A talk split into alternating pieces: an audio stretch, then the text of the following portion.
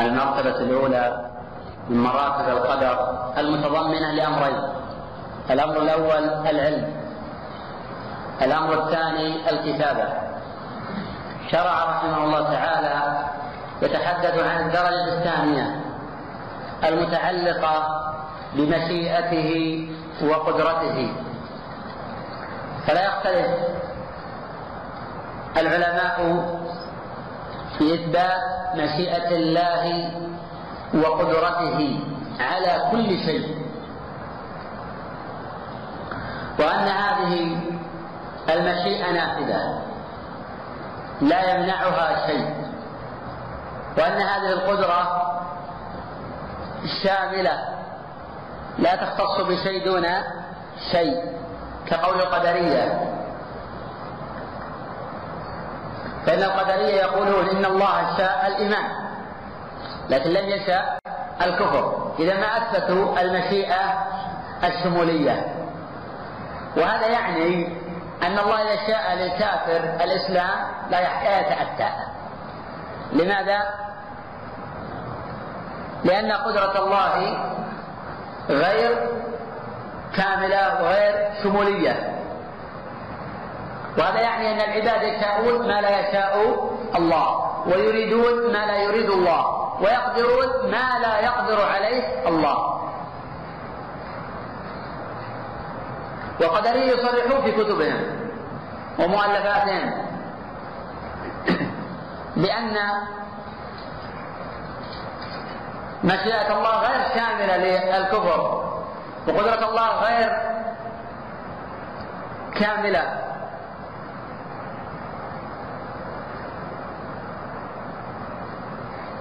والسبب في ذلك أن القدرية شأنهم في ذلك شأن بقية أهل البدع من الجهمية والمعتزلة والأشاعرة.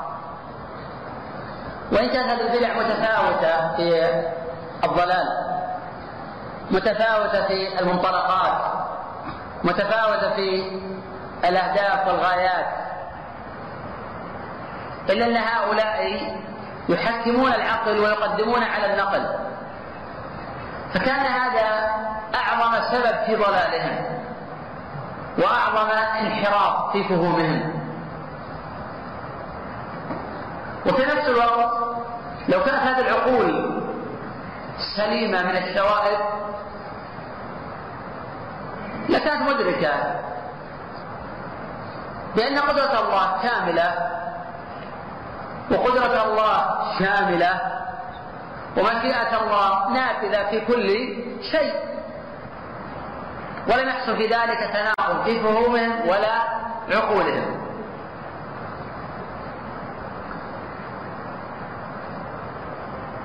قال الله جل وعلا لتعلموا أن الله على كل شيء. لتعلموا أن الله على كل شيء قدير. شيء نكرة. والنكرة في سياق النفي والنهي تفيد العموم باتفاق الأصوليين.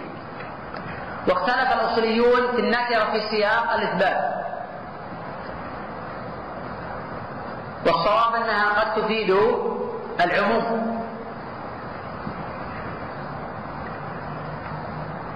لتعلموا أن الله على كل شيء قدير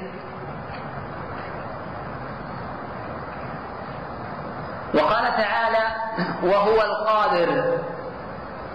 وهو القاهر فوق عباده. وهو القاهر فوق عباده.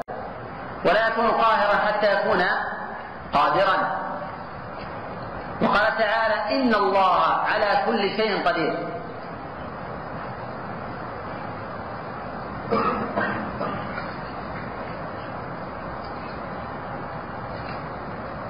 وهذا من إثبات الأفعال الاختيارية. والقدرية مضطربون في هذا الباب. شأنهم في شأن الجهمية والمعتزلة والأشاعرة. فإن هؤلاء مضطربون في باب إثبات الأفعال الاختيارية لله. ولكن ينكرون الاستواء ينكرون العلو ينكرون النزول تبعا لإنكار الأفعال الاختيارية لله. ولذلك من اللوازم التي يلزم بها الأشاعرة باعتبارهم أقرب الطوائف لأهل السنة إذا كانوا ينكرون الأفعال الخيرية يلزم من ذلك إنكار القدرة والأشاعرة ما ينكرون القدرة. الأشاعرة يثبتون القدرة. والذي ينكر الأفعال الخيرية يلزم وينكر قدرة الله لأننا نثبت أن الله على كل شيء قدير. لزمه أن يكون الله فاعلا مشيئا قادرا باختياره على كل شيء. وهذا دليل واضح جلي أن هؤلاء في تحكيم عقولهم مضطربون. ولا يأتون بأشياء في موضع تناقض الأشياء في الموضع الآخر.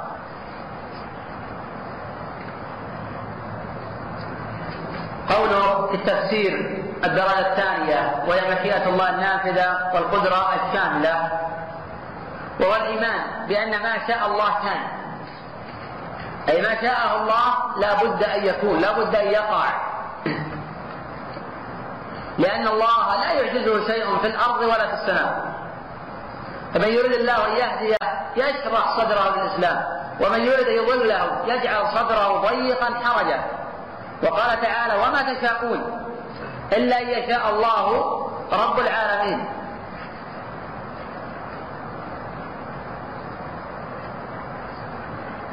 قوله وما لم يشاء لم يكن. أي الذي لا يريده الله لا يقع ولا ينفذ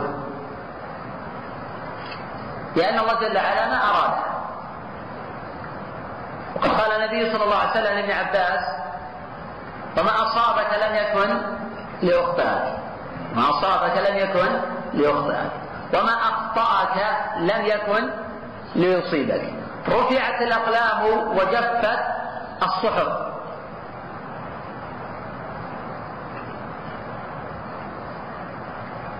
قوله وأنه ما في السماوات وما في الأرض من حركة ولا سكون إلا بمشيئة الله سبحانه. وهذا ينازع فيها القدرية. ولا يرون الشمولية في قدرة الله ولا مشيئته. وهذا بلا ريب. تكذيب لكلام الله تكذيب لرسول الله صلى الله عليه وسلم وخرق للإجماعات القطعية في هذا الباب ومكابرة في المنقولات ومنازعة للمعقولات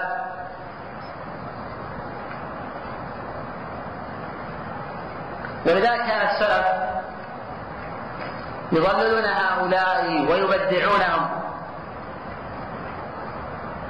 ويرونهم خارجين عن مذاهب أهل السنة والجماعة واقعين في البدع والضلالات. وذهب بعض أئمة السلف إلى تكفير هؤلاء كتكفير أصحاب الدرجة الأولى الذين ينكرون علم الله واطلاع على الكليات والجزئيات وينكرون أن الله يكون عالما بالشيء قبل وقوعه. ولذلك يقول الشافعي رحمه الله تعالى نظروهم بالعلم فإن أقروا به خصموا لأن ما جحدوا حج على ما أثبتوه. وإن جحدوا كفروا.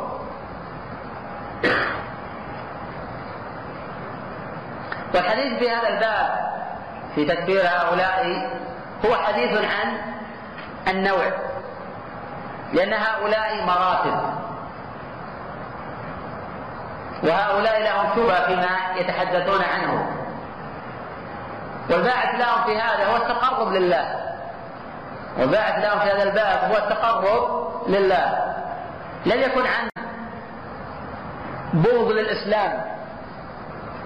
أو محاربة لما في كتاب الله وفي سنة رسوله صلى الله عليه وسلم. وأهل السنة متفقون على إثبات مشيئة الله النافذة وقدرته الشاملة. وأنه ما شاء الله كان وما لم يشاء لم يكن. وما من حركة ولا سكون في الأرض إلا بمشيئة الله جل وعلا. فلا يكون في ملكه ما لا يريد. وأنه سبحانه على كل شيء قدير. من الموجودات والمعلومات. أي من الموجودات؟ من خلق السماء والأرض وما بينهما. خلق الإنسان وما في جوفه والبحار وما في أعماقها وغير ذلك. وبين المعلومات التي سوف تكون. أو أخبر الله عن وقوعها في المستقبل. أو غير ذلك. لا يخرج شيء عن قدرة الله جل وعلا. وهذا من كمال عظمته وقدرته على كل شيء. فمن ظن أن الله يقدر على شيء دون شيء هذا ضال منحرف. وقد حكى شيخ الإسلام ابن تيمية رحمه تعالى في الفتاوى في المجلد الثالث على الحديث الوارد في الصحيحين في الرجل إذا قال لا أنا مت تدروني قال شيخ الإسلام فهذا انكر قدرة الله. وهذا يقول كفر بالإجماع. يقول وهذا كفر بالإجماع. شاهد أن من أنكر قدرة الله فإنه كافر بالإجماع. ولكن الله عذره. لأنه ظن أن الله جل وعلا لا يقدر على جمعه إذا تفرغ. وإذا قدر على جمعه إذا سوف يعذبه.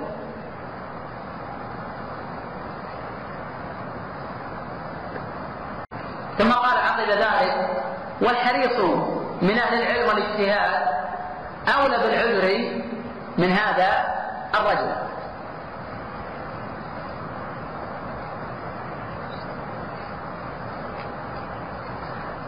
قوله فما من مخلوق في الأرض ولا في السماء إلا الله خالقه. وهذا رد على القدرية. لأنهم ينازعون في مسألة الخلق وهم مضطربون في هذا الباب. فلا يثبتون على قدم واضحة. لا يختلف أهل السنة بأن الله خلق العباد وخلق أفعالهم وخلق مشيئتهم وخلق قدراتهم وخلق كل شيء فيهم. وهذا نص القرآن ونص السنة. وأن الله جل وعلا خلق الخير وخلق الشر. لا خالق غيره ولا رب سواه. قال تعالى الله خالق كل شيء. لا يخرج شيء عن خلق الله. ومع ذلك فقد أمر العباد بطاعته وطاعة رسله بمعنى أنهم فيهم إرادات. لا كما تقول طائفه من القدرية بأن العباد مجبورون؟ أو طائفة أخرى يقولون بأن العبد يخلق فعل نفسه. فانشق عن القدرية الجبرية. يقولون بأن العبد لا قدرة له. بمنزلة الشجرة. تصرف الرياح كما تشاء. لا قدرة له ولا مشيئة له ولا حركة له ولا سكون له. هو يتصرف فيه بدون طائفة أخرى يردون على هؤلاء. قال لا العبد له كل شيء حتى أنه يخلق فعل نفسه. فأهل السنة لا إلى هؤلاء ولا إلى هؤلاء. يقولون بأن العبد له مشيئة وله إرادة وله قدرة ولكن مشيئته تابعة لمشيئة الله بنص القرآن. وما تشاءون إلا أن يشاء الله رب العالمين. وقال تعالى وهديناه النجدين. قال غير واحد من المفسرين أي بينا له طريق الخير وطريق الشر. فالله جل وعلا أتاه سمعا وبصرا ووهبه عقلا يفكر. وهداه بمعنى بين له طريق الخير وطريق الشر. فمن اهتدى فلنفسه ومن ضل فإنما يضل عليها.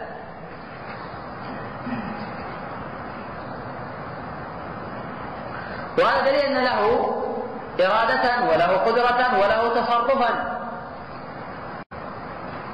فهو حين يبحث عن الضلال وعن الشهوات والغلو في المحرمات هو في نفس الوقت يبتعد عن الوقوع في الأماكن الشاهقة وعن قتل النفس وعن الجوع ويتقي الجوع في الطعام ويتقي الشتاء بالملابس. فهو الذي يؤدي هذه الأمور تحت غطاء القدرة والعقل والفهم. ترى هذا حجة على فعله وممارسته للمعاصي تحت غطاء أن هذا بقدر فلماذا الأول لا يكون بقدر ولماذا صار الثاني؟ بقدر. عند مراد الله تفنك ميتا وعند مراد نفسه تسدي وتلحم وعند خلاف الأمر تحتج بالقضاء. ظهيرا على الرحمن للجبر تزعم.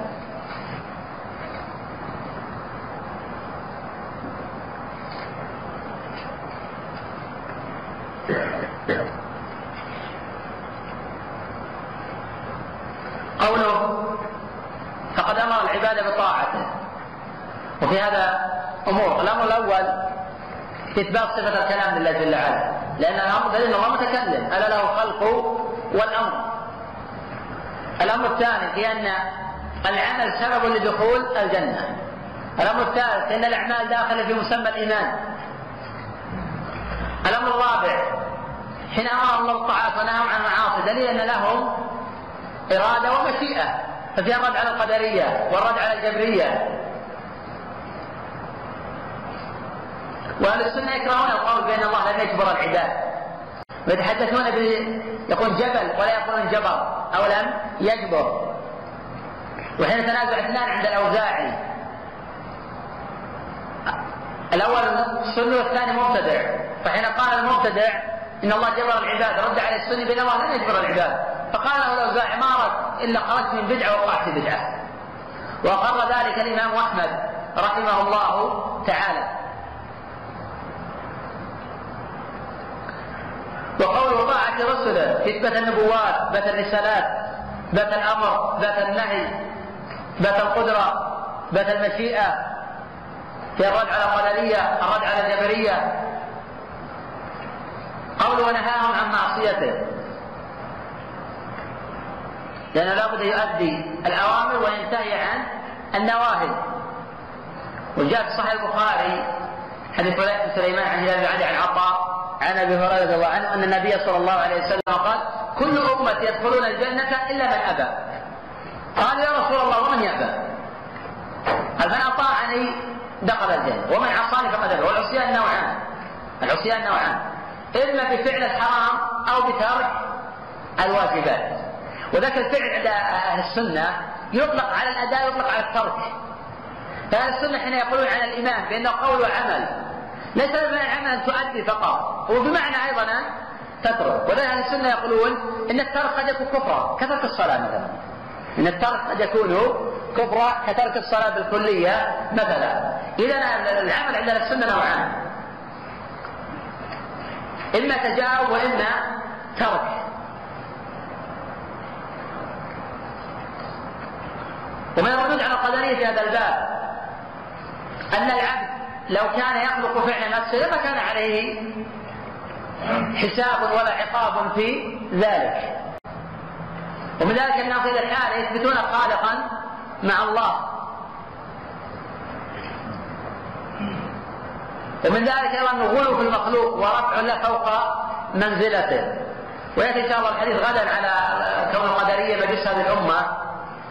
ووجه المشابهة وإرادة آثار واردة في هذا الباب وعلى تقدم في الإشارة بالأمس أن كذا لم يكن شيء مرفوع عن النبي صلى الله عليه وسلم ولكن ثبت ذلك عن جمع من الصحابة رضي الله عنهم. قوله وهو سبحانه يحب المتقين في إثبات صفة المحبة لله قال تعالى يحبهم ويحبونه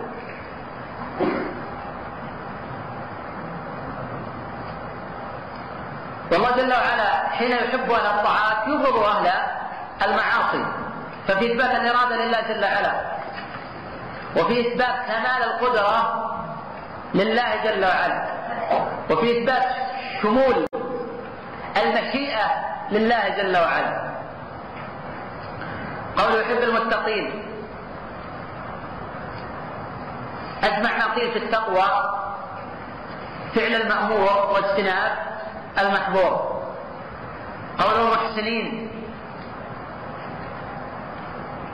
والإحسان أقص من التقوى. فهو يشمل التقوى وزيادة والمقصود بالإحسان في هذا الموضع في كل شيء. واللي يقرأ الله جل وعلا سورة العمران والله يحب المحسنين. والله يحب المحسنين أي في أقوالهم وأفعالهم واعتقاداتهم وأخلاقهم وتصرفاتهم. وأما الإحسان هو أن تعبد الله كأنك تراه فإن لم تكن تراه فإنه يراك. قول المقسطين والمقسط غير القاصد. القاصد هو الجائر قال الله جل وعلا وأما القاسطون فكأن لجهنم حطبا. وأما المقسط فهو العادل. المقصود بالمقسطين أي العادلين في أقوالهم وأفعالهم وتصرفاتهم فإن هؤلاء يحبهم الله جل وعلا. ولذلك لا يختلف العلماء بأن الله يحب العدل وهذا ما اتفقت عليه الشرائع كلها. والناس كلهم مؤمنهم وكافر وانس وجن يحبون العدل. ويكرهون الظلم ولذلك حرم الله جل وعلا الظلم على نفسه. قال وجعلت بينكم محرما. ولكن ينبغي أن نكره الظلم بكل صوره بكل معانيه من الغيبة والنميمة والبهت والتقصير في حق الله جل وعلا والتقصير في حق آه، النفس وأذية العباد من ذلك التجاوز إلى فعل الحرام. هذا يعتبر ظلما يظلم العبد نفسه بفعل الحرام. من حلق اللحى وإسبال الأزر ومن النمص والنامصة ومن أكل الربا وغير ذلك مما حرم الله جل وعلا. هذا كله من آه، الظلم. قوله ويرضى عن الذين آمنوا وعملوا الصالحات. في إثبات صفة الرضا لله جل وعلا. قال تعالى رضي الله عنهم ورضوا عنه وقال تعالى ورضوان من الله أكبر. وقال النبي صلى الله عليه وسلم إن الله يرضى لكم. والأدلة في هذا عن النبي صلى الله عليه وسلم متواترة. الأشاعرة يحرفون ذلك. ويقولون عن الرضا علامة للقبول. وهذا عند أهل السنة من لوازم الرضا وليس هو معنى الرضا. فأهل السنة يثبتون الصفة ثم يذكرون لوازمها. ويؤخذ في كون من كون الله جل وعلا يحب المتقين ويرضى عن الذين آمنوا إثبات القدرة وإثبات المشيئة الشاملة. وإثبات العدل. لأن الله قال ولا يحب الكافرين قال تعالى أفنجعل المسلمين كالمجرمين؟ ما لكم كيف تحكمون؟ وقال تعالى وإن تشكروا يرضه لكم. ولكن ماذا قال؟ ولا يرضى لعباده الكفر وإن تشكروا يرضاه فالذي يحب الطاعات يبغض ويكره المعاصي. قوله ولا يرضى عن القوم الفاسقين. الفسق نوعان فسق مخرج من الملة وفسق غير مخرج من الملة. كلاهما جاء في القرآن. أما ما جاء في القرآن الفسق المخرج من الملة فكقوله جل وعلا أفمن كان مؤمنا كمن كان فاسقا. الفسق الذي الاتفاق المخرج من الملة. وأما الفسق الذي لا يخرج من الملة كقول الله جل وعلا يا أيها الذين آمنوا إن جاءكم فاسق بنبأ. الفسق لا يخرج من الملة. وقوله ولا يحب الفساد.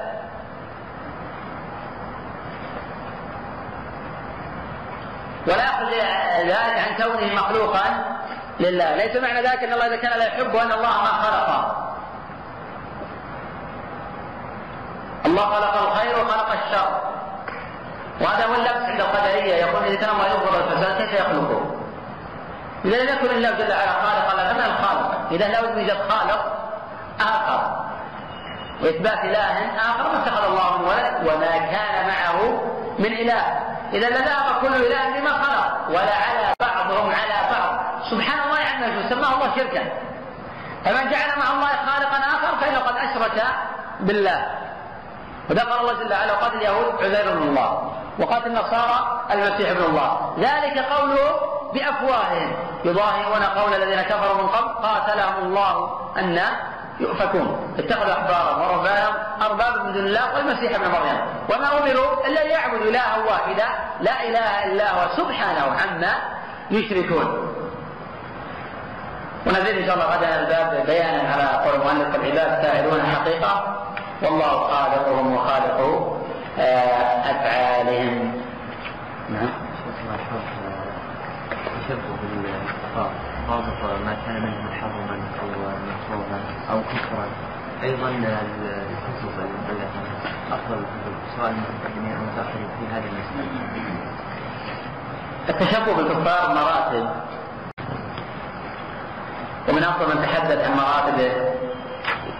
شيخ الإسلام ابن تيمية رحمه الله تعالى في كتابه اقتضاء الصراط المستقيم. ومؤلف آخر لأحد الشاعر المعاصرين الغماري اسمه الاستنفار لغزو التشبه بالكفار كتاب جيد وعظيم لكن المؤلف اشعري ضال منحرف.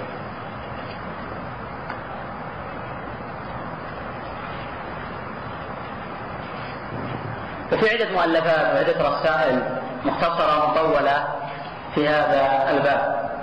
إلا أن شيخ الإسلام في كتاب اقتضاء الصراط المستقيم وخاف أصحاب الجحيم. جمع فأوعى وأفصل. بصرف النظر عن الأمثلة بقدر ما هو يذكر قواعد. لأن ذكر القواعد هي آه، منطلق من ضرب الأمثلة. لكن ضرب الأمثلة قد لا تؤصل القواعد في هذا الباب. والتشبه بالكفار مراتب. منهم ما يصل إلى حد الكفر. منهم ما يصل إلى الكفر الأصغر ومنهم ما يكون من الكبائر ومنهم ما يكون من الصغائر ومنهم ما يختلف العلماء منهم من يقول بأنه محرم منهم العلماء من يقول بأنه مكروه. كقوله صلى الله عليه وسلم اليوم النصارى لا يصلون في نعالهم. ذهب بعض العلماء ان الصلاه في النعال واجبه في بعض الأحيان مخالفة لليهود والنصارى وقال الجمهور بأنه مكروه وليس بمحرم من لم يصلي في نعال بمعنى أنه مستحب يصلي. وإذا ترك يكون قد وقع في المكروه ولم يقع في الحرام. ومن ذلك من كانت لحيته بيضاء. اختلف الفقهاء هل يجب عليه صبغها بغير الأسود أم لا؟ قولان منهم من قال بالوجوب ومنهم من قال يجب في العمر ولو مره ومنهم من قال بأن الصبغ مستحب وترك ذلك مكروه وليس بحرام. إذا هذه أمور أختلف العلماء فيها مع أنها من التشبه.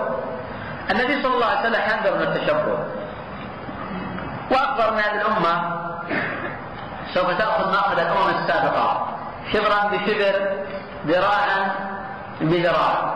وفي نفس الوقت بين من تشبه بقوم فهو منهم. كما في مسند أحمد وقال عن ابن تيمية إسناده جيد وظاهر يقرأ الكفر المشبه به وأقل أحواله آه، التحريم.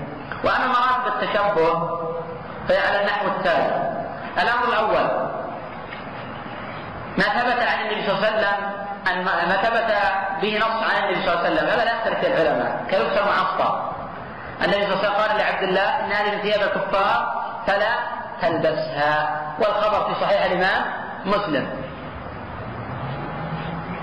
الأمر الثاني ما كان من خصائصهم وشعائرهم ويتميزون به عن غيرهم في عباداتهم ونحو ذلك. فهذا أيضا لا يختلف العلماء في تحريمه. هذا لا يختلف العلماء في تحريمه. وهذا مراتب منهم ما يصل حد الكفر كلبس الصليب فان الكفر أكبر مخرج عن المله ومنهم ما لا يصل إلى الكفر الأكبر. الحالة الثالثة الحالة الثالثة. أن يتميز به الكفار عن المسلمين. ولم يرد به نص وإنما مأخوذ ذلك من واقعهم. يتميزون به عن المسلمين. فهذا حرام أيضا.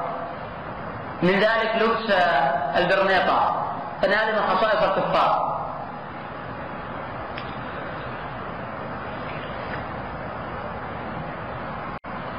ومن ذلك ملابس الوافدة النسائية وكثير من ملابس الوافدة النسائية كلبس العاري وهؤلاء الذين يجلبون ملابس الكفار إلى بلاد المسلمين هم أبغض الناس إلى الله جل وعلا. كما جاء في البخاري كما جاء في صحيح البخاري من حديث ابن عباس رضي الله عنهما أن النبي صلى الله عليه وسلم قال أبغض الرجال إلى الله ثلاثة. أبغض الرجال إلى الله ثلاثة. ملحد في الحرم. ومبتغ في الإسلام سنة الجاهلية. هذا الشاهد. ومبتغ في الإسلام سنة الجاهلية. ومطالب ومطالب دم امرئ مسلم ليريقه بغير حق. هؤلاء أبغض الناس وأبغض الرجال إلى الله جل وعلا. القسم الرابع ما فعله الكفار وفعله المسلمون. وهذا قسمان وهذا قسمان. القسم الأول ما تميز به الكفار وفعله فسقة المسلمين ولم يفعله خياره فهذا حرام لا يجوز التشبه بهم لأن الذي فعله من المسلمين هم الفسقة هؤلاء لا عبرة بهم القسم الثاني ما فعله الكفار وفعله خيار من المسلمين. هذا يخرج عن حيز التشبه القسم الثاني ما فعله الكفار وفعله خيار من المسلمين. هذا يخرج عن حيز التشبه حفر الخنادق ما كان التشبه به ونحو ذلك كان يفعلونه وقرره النبي صلى الله عليه وسلم. وغير ذلك من أسلحتهم ونحو ذلك. بعض الناس يتصور أنه لا يقع التشبه إلا في العبادات دون العادات وهذا غلط. فإن عمر رضي الله عنه قال كتب لاصحابه وهذا في صحيح مسلم قال إياكم وزي أهل الإشراك. وهذا في صحيح مسلم. ونص صريح أن التشبه يقع في العادات كما يقع في العبادات. فالأمر الذي يختص بالكفار وفعله المسلمون خرج عن حيز. التشبه. والله. اعلم نعم. نعم. ذكر الأخ يقول هل التشبه باهل الفسق ذكر الصنعاني رحمه الله في سبل السلام في فرح البلوغ على قوله صلى الله عليه وسلم شبه بقوم فهم قال يدخل في ذلك التشبه بأهل الفسق وأهل البدع. وذكر شيخ الإسلام رحمه الله تعالى في الاقتضاء. وهذا الذي يكتب الشيخ محمد رحمه الله تعالى في الفتاوي إن التشبه منهي عن التشبه بالكفار والتشبه بالأعاجم المسلمين.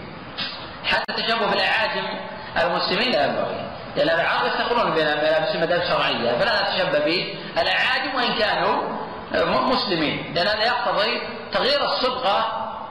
لأن هؤلاء حين يتشبه بهم. يغالب إن هؤلاء قد يقعون في التشبه. لأنه قد يكونون بعيدين عن الثوابت الشرعية وبالتالي ابن تيمية اوسع من هذا حتى التشبه العاجل المسلمين لا يجوز. شيخ من المعروف ان الله عز وجل بالسنه يفوضون الكيفيه ولا يفوضون المعنى. مثل الصفات الذاتيه مثل الوجه واليدين هذه تفوض طبعا في الكيفيه لكن المعنى ماذا نقول بمعنى؟ الفعلية والاختياريه كل واحد والذاتيه لا نختلف الناس لا يختلفون في الباب واحد مضطرد عندهم يثبتون حقيقة الصفة ولا يثبتون كون الصفة هذا مضطرد الصفات الذاتية والصفات نثبت حقيقة هذا الواقع حقيقة ليس مجازا ولا غير ذلك. لكن لا نثبت كيفية ينزل. مثل في شخص ينزل الدرجة تنزل لهذا هذا مبتدع ضال منحرف. وما نسبه ابن بطوطة عن ابن تيمية. قال حضرت له خطبة فقال الله ينزل ثم نزل عدد تنزل هذا ابن بطوطة كذاب فلا يعتبر بكلامه ولم يكن غالبا كان كذابا منحرفا اشعريا هالكا ولم يكن صادقا في ذلك فإنه ذكر التاريخ من كذبه. وفي التاريخ نفسه اللي ذكره ذكر ابن كثير ان تيميه كان في السجن في القلعة قلعة دمشق. هذا دليل على كذب وأن الله فضحه. زاد على يقول لا يعتبر بكذا ليس من أهل السنة في نقله ولا كذا الامر هذا يخالف ما ابن تيمية يصنع رحمه الله تعالى. فكان ابن تيمية من أبعد الناس عن التمثيل وعن بل كان يحارب بكل قوة في مؤلفاته ومصنفاته. نعم. ماذا نقول بمعنى؟ نثبت المعنى ونثبت الحقيقة ولكن لا نثبت الكل. الكل الذي ننفيه. لأن كما قال السوء معلوم والكيف مجهول، مجهول بالنسبة لنا. أما بالنسبة لله فهو معلوم. نقول اليدين معناها ماذا؟ نعم حقيقة. بس حقيقة نسبة اليدين حقيقة نعم. نعم بالنسبة للشبه الكفار هل من أسلم الكفار نمر بتغيير زيه؟ نعم. هل من أسلم الكفار نمر بتغيير زيه؟ أم أن الحديث ينزل على العرب؟ لا يبقى الكفار حتى الكافر إذا أسلم نأمر بتغيير زيه إذا كان هذا الزي من خصائص الكفار أما إذا لم يكن هذا الزي من خصائص الكفار آه، فأترك على ما هو عليه أما إذا كان هذا من خصائص الكفار فنأمر بلبس خصائص المسلمين. أما إذا كان لا- هذا لا يخص فيها الكافر فنبقي على ما هو عليه. لا نغير. حتى اسمه إذا كان اسمه لا يخالف أسماء المسلمين لا لا نغير اسمه. نبقي على ما هو عليه. تصور بعض الناس أنه إذا تاب يغير اسمه. تبعا لتوبته. هذا ليس له أصل. لم يكن الانسان يغير اسماء الصحابة. اللبس الافرنجي إذا منتشر عند العرب هل يقال انه من خصائص يبقى التفريق بين اللباس. يعني شخص يلبس مثلا يسمى بالبنطال والجنس وما يسمى بالكرافتة والبرنيطة. هذا لم يفعل ذلك المسلمون إنما فعل فسقة المسلمين. إن نعم يوجد بعض المسلمين يلبس سروال وفانيلا هذا صحيح. لكن لم يكن بصورة البرنيطة بصورة الكرافتة هذا من شعار الساق ليس من شعار آه، الصالحين منهم. وفي نفس الوقت هذا جاء من أثر الجاذبية ومن أثر الاستعمار الواقع. على بلاد العرب والمسلمين في الجزائر وفي أكثر الدول الإفريقية ونحو ذلك، فلما جاء الاستعمار هو الذي غير معالم وشعائر وملابس المسلمين، فلان المسلمين التشبه به كان من خصائصهم، وفي نفس الوقت جاء حديث أبي أمامة في المسند حين قيل للنبي صلى الله عليه وسلم يا رسول الله ان النصارى يتسرولون ولا يعتذرون، قال تسرولوا واعتذروا خالفوا اليهود. تارة من فعل وتارة ذلك تارة أفضل فالذين يداومون على ذلك هم مخالفون لهذا النص. نعم. للمرأة عند وعند النساء آه، الصحيح أن ملابس المرأة إذا كانت آه، تبدي تقاطيع الجسم. أنها آه، لا تجوز. لحديث الوارد في مسند أن النبي صلى الله عليه وسلم وسأله عن- آه، القميص العطاء قال أعطيت زوجتي. قال مرها فلتجعل تحتها غلالة فإني أخاف. أن تصف حجم آه، عظامها. دل هذا لما لا تلبس ما يبدي تقاطيع جسمها. كذلك في قوله صلى الله عليه وسلم كاسيات عاريات. فسر الشيخ الإسلام تعالى في لباس المرأة المسلمة بعدة أمور. من ذلك ما ذكره الله تعالى بأنها تلبس الملابس التي تصف تقاطيع. آه، الجسم هذا نص عليه فقهاء الحنابله رحمهم الله تعالى في هذا الباب. المرأة سواء كانت لابسة لتنورة أو للجوز أو لغير ذلك ولا تصف تقاطيع الجسم فلا يحل لها هذا اللباس اللي تلبس لباسا فضاضا لا يصف تقاطيع آه، جسمها. كرة ما يقال إلا الكوره أيضا حتى الكوره إذا كانت بأنظمة الغرب الآن هي بلا شك من أعظم التشبه بالكفار على الطريقة المعروفة. يعني لو أن ثانية يلعبون كوره مثلا بشرط مع حفظ طبعا ستر العورة ولا في سب ولا شتم ولا غير ذلك ولكن يغيرون نظام الكرة. يعني ما يكون متقيدين بنظام اللعبة العالمية. ما لم الكرة بيده فلا آه، فاول. آه، ما يسمى ب آه، خط الستة وخط 18 وما يسمى بالبلانتي وال corner والفاول وغير ذلك. إذا وجدت هذه الأشياء لا شك أن هذا تشبه بالكفار. حين يلعبون الكرة على نفس النظام النمط الغربي. corner فاول وأحد عشر لاعب في اليمين أحد عشر لاعب في الشمال وحارس أن تشبه بالكفار وهي أبعد هي أبعد هي الكرة الآن تحاكم إلى الطاغوت ليس تحاكم شرع الله فلو أن لاعبا الآن النظام الموجود العالمي سواء في الداخل أو في الخارج وكل لعبة عالمية آه، خبيثة من خطط الماسونية وإبعاد المسلمين عن دينهم وعقائدهم ونحو ذلك فهي أيضا من التحاكم إلى الطاغوت. هم يريدون التحاكم إلى الطاغوت. فلو أن لاعبا الآن في اللعبة العالمية تزحلق على اللاعب متعمدا وكسر قدمه. يوجد هذا بكثرة. حين يكون اللاعب موهوبا في هذه اللعبة يحسدونه كما يوجد هذا في غيرهم أيضا فيحاولون مثلا تنيا عن ذلك أو ايقافه في اللعبة والانطلاقه لتسجيل هدف ولا غير ذلك. يحاول يتزحلق عليه متعمدا. وكسر قدمه. قال يريد الشرع. إذا كان في بلد المسلمين. قال لا شرع في هذا الباب. تتحاكم لنظام اللعبة. تحاكم نظام اللعبة. طبعا هذا تحاكم الطاغوت. ألم ترى إلى الذين يزعمون أنهم آمنوا وأنزلكم من قبل يريدون أن يتحاكموا إلى الطاغوت؟ أما لو أن الفريقين يلعبان كرة بدون سب ولا شتم ولا قمار ويستران العورة ويغيرون ويغيرون نظام اللعبة. مجرد هذا يقذف وهذا يقذف ويغيرون في نظام العباد هذا لم يدل دليل على المنع. نعم. يحاول الإنسان يغير الهيئات كرامتها هذه يزيلها نعم. الله عنك لبس ملابس الكفار في بلاد عن التميز أو حتى في بعض البلدان العربيه اللي عن التميز العلة ضرر نعم الأخوة دائما يسألون بالذات الذين يعيشون بلاد الغرب هنا يلبسون اللباس غير لباس الكفار يحصل تميز وبالتالي يكونون هدفا للغربيين فليراعى فيها المصالح يعني. شيخ الحبشة كانوا يلعبون في المسجد نعم. طبعا لعبتهم هذه أخذوها من الحبشة. ما يخالف إذا كانت يعني أمور يعني لا تخالف ما عليه الإسلام فلا حرج. لعب الحبشة بالدرك التقول على الحرب لا حرج منه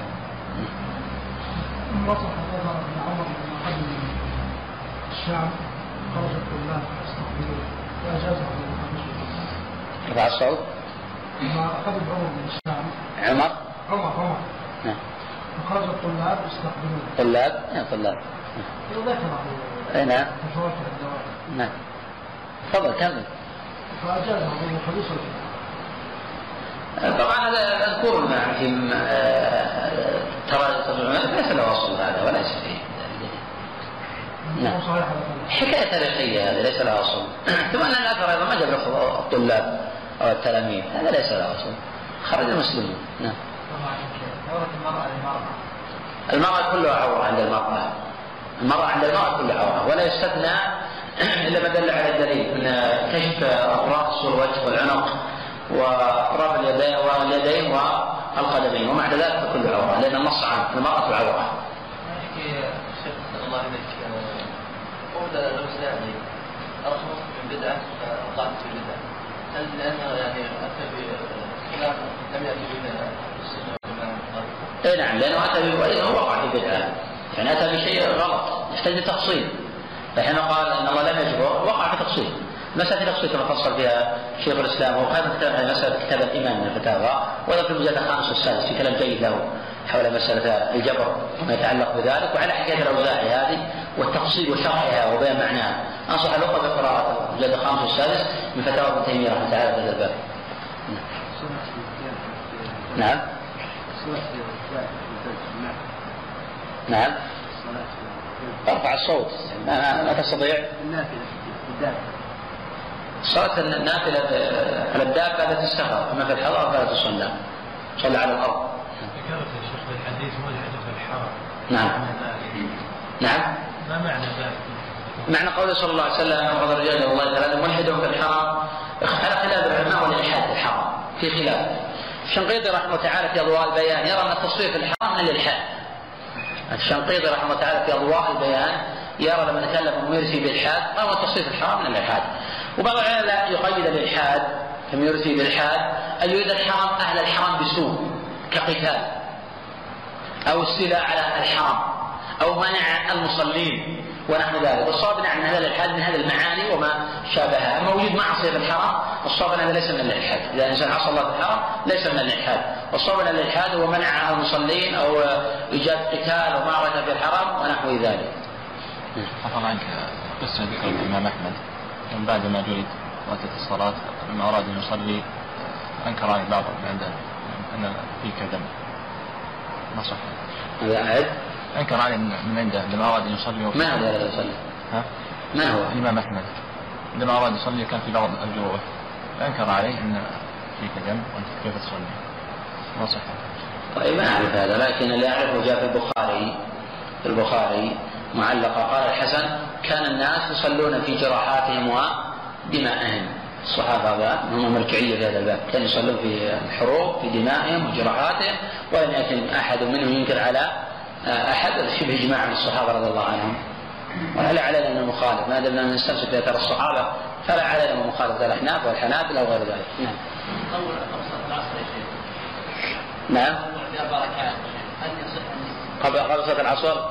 نعم. يصح يأتي ركعات في واحد. هو نعم ظاهر الأثر ظاهر الأثر الوارد في أربع ركعات قبل صلاة العصر آه، أن تكون بسلام واحد. هذا ظاهر اثر علي رضي الله عنه. الذي رواه الترمذي وأبو داود وجماعه من طريق ابي اسحاق السبيع عن عاصم بن ضمرة عن علي. إسناده جيد. أما حديث رحمه الله امراه صلى قبل العصر هذا ضعيف منكر كما دائما نوضح للإخوة. أما حديث كان صلى قبل العصر أربع فهذا حديث جيد وقوي جاء من روايه ابي اسحاق السنة عاصم ضمرة عن علي لا بأس بإسناده. حجوا بمثله. نعم. هناك يقول عندما وقع مع عبد الله بن زبير في مكه هذا كان بتأويل يعني عبد الله بن الزبير أنه موقع بينه وبين الحجاج من قتال في الحرم واحتمى عبد الله بن الزبير الحرم لأن ابن الزبير كان هو الحاكم حقيقة في ذاك الوقت كما ذكر ابن كثير وحكى عن الجمهور.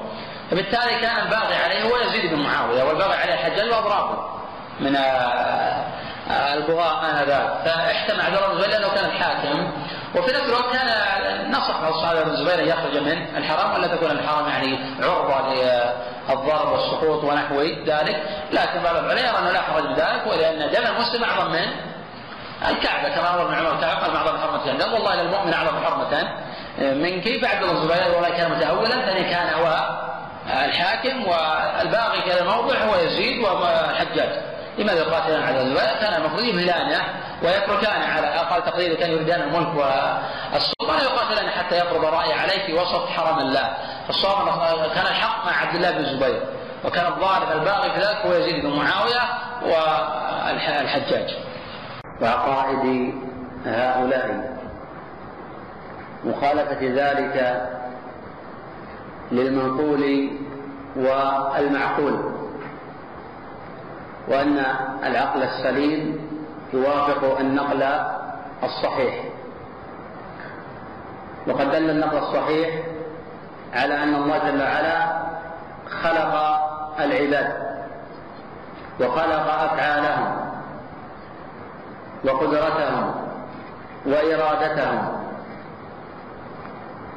وأن للعبد مشيئة. وهذه المشيئة تابعة لمشيئة الله تعالى. قال رحمه الله تعالى والعباد فاعلون حقيقة. هذا رد على الجبرية. حيث حيث ينفون عن العبد قدرته ومشيئته ويقولون بأنه مجبور على كل شيء. وأن حركات العبد بمنزلة حركات الشجر والجمادات وغيرها. وأنه لا قدرة له على دفع هذه التصرفات ولا هذه الأفعال.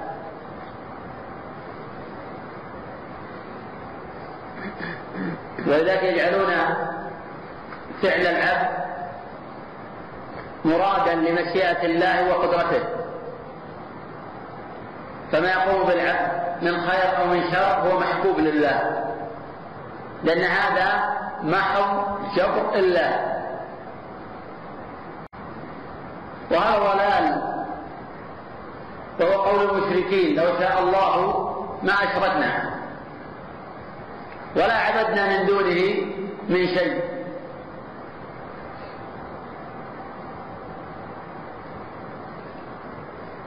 قوله وخالق أفعالهم. فالعباد لهم قدرة ولهم مشيئة والله خالقهم وخالق أفعالهم. فهذا رد على القدرية.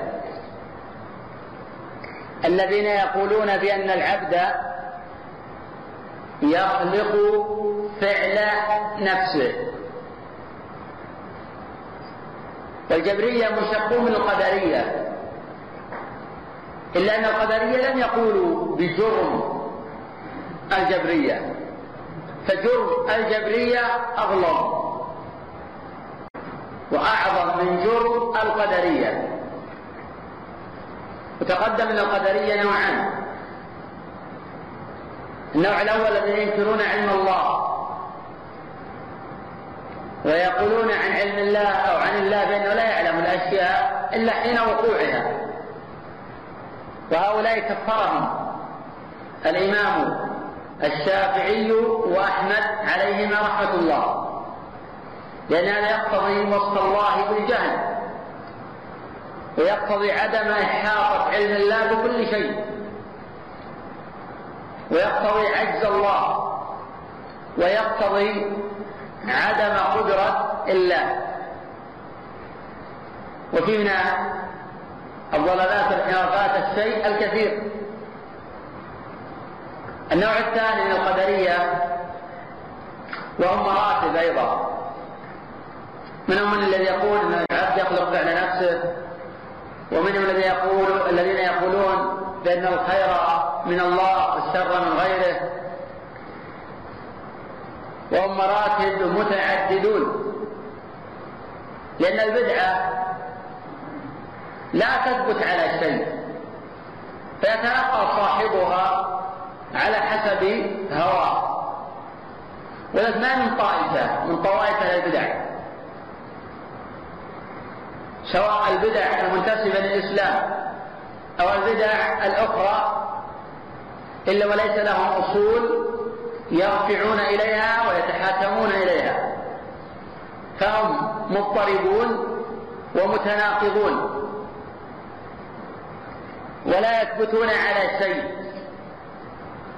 ومن من بدعة إلا تنقض الأخرى وتلعنها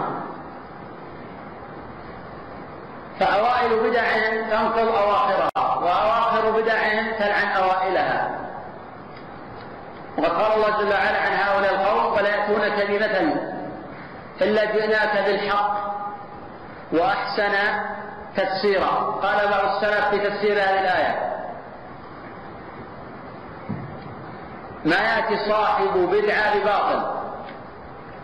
إلا وفي القرآن ما ينقضه ويبطله.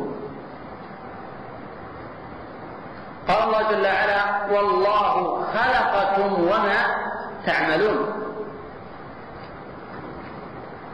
اختلف المفسرون في معنى قول الله جل وعلا وما تعملون. فقوله الله خلقكم في صفة الخلق لله جل وعلا. وأن العبد مخلوقون لله جل وعلا. وما تعملون؟ قال أكثر المفسرين إنما بمعنى الذي. والعائد محذوف تقديره والله خلقكم والذي تعملونه. وهذا الذي نصره شيخ الإسلام ابن تيمية وغيره من المحققين. القول الثاني فإن ابن كثير الحافظ يقول إن الآية تحتمل أحد معنيين أن تكون ما بمعنى الذي أو أن تكون ما مصدرية. فيكون معنى الآية والله خلقكم وعملكم. والله خلقكم وعملكم. والأول المعنى الأول أعم. والثاني ليس بباطل كناحية شرعية. هو معنى مستقيم لكن الأول أعم. فهذه الآية رد على القدرية الذين يجعلون من العبد خالقا. ومن المخلوق خالقا. فإنهم يجعلون للخير خالقا وللشر خالقا.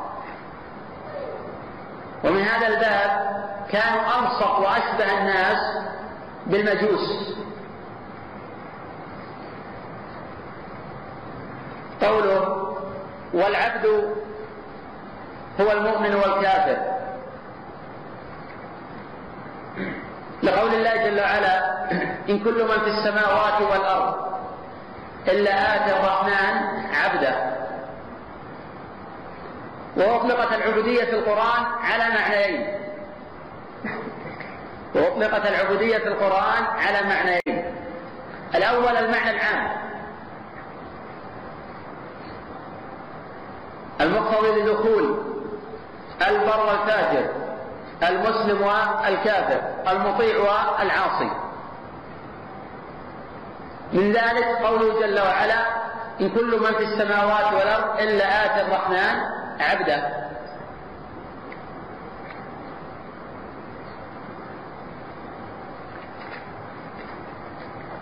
المعنى الثاني إطلاق العبد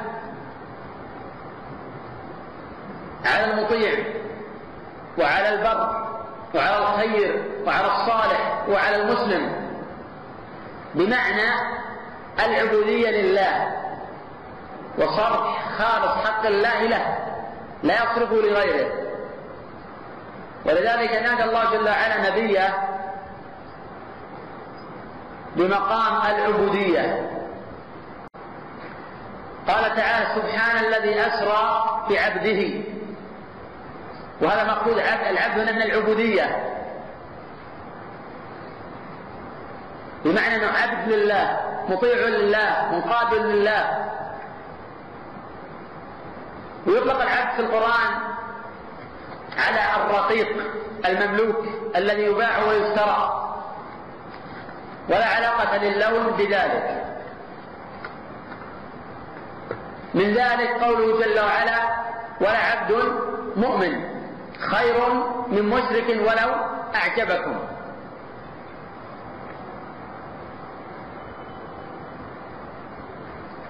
وأراد الشيخ رحمه الله تعالى بقوله والعبد هو المؤمن والكافر والبر والفاجر والمصلي والصائم الرد على القدرية لأن العبد لو كان يخلق فعل نفسه لجعل من نفسه خيرا صالحا تقيا. والرد على الجبرية في نفس الوقت. الذي يقول عن العبد إنه مجبور على كل شيء فبالتالي لا يحاسب الله على شيء. لأنه لا قدرة له على العمل فكيف يحاسبه الله على ما لا قدرة له فيه؟ هذا رد عليهم.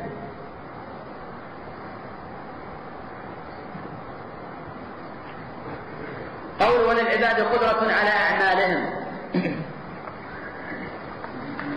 ولا يختلف في ذلك أهل السنة.